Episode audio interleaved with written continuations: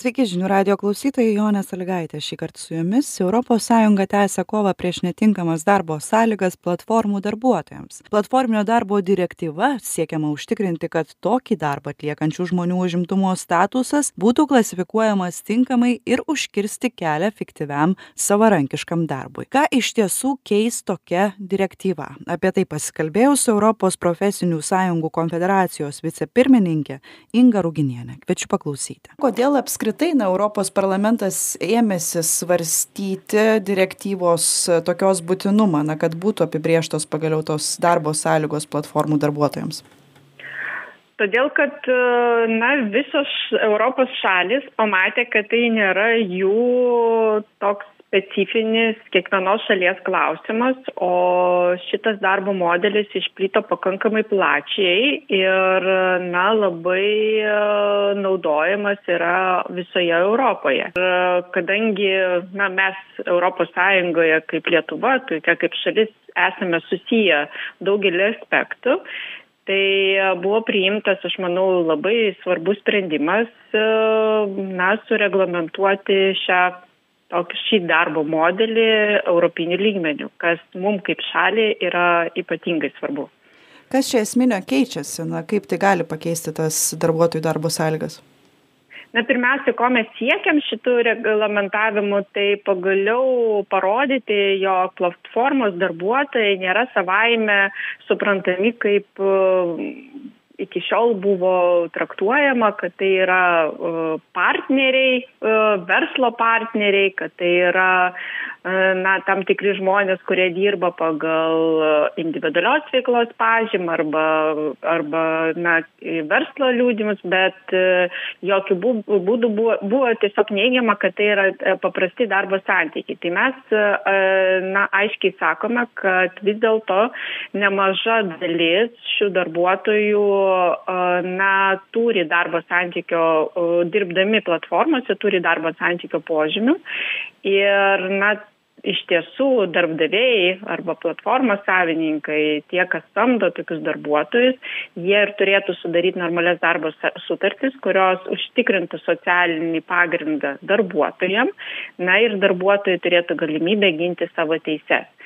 Tai būtent direktyva reikalinga tam ir jinai apibrėžia ypatingus pagrindinius aspektus kuriuos mes anksčiau neigėm tai kad na iš tiesų tam tikras darbas vis dėlto turi būti pripažintas kaip sutartinis darbo reglamentuojamas pagal darbo santykius darbas o ne verslo partneriavimas. Ir direktyvoje kas nemažai svarbu yra nustatomi turbūt pirmą kartą penki kriterijai ir aiškiai aiški yra nuostata kad jeigu darbuotojas atlikdamas vieną ar kitą funkciją naudodamasis platforma atitinka bent du iš penkių išvardintų kriterijų tai jau yra pripažįstamas darbas kaip su darbo santykiais susijęs darbas kaip su darbo sutartim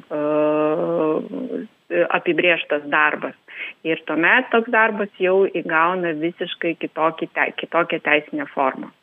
Dabar direktyva kelsis į nacionalinius parlamentus. Ar čia gali tekti susidurti pavyzdžiui su kokiu kapitalo spaudimu? Ar yra kažkokių na argumentų kodėl bendrovės gali bandyt užkirst tam kelią?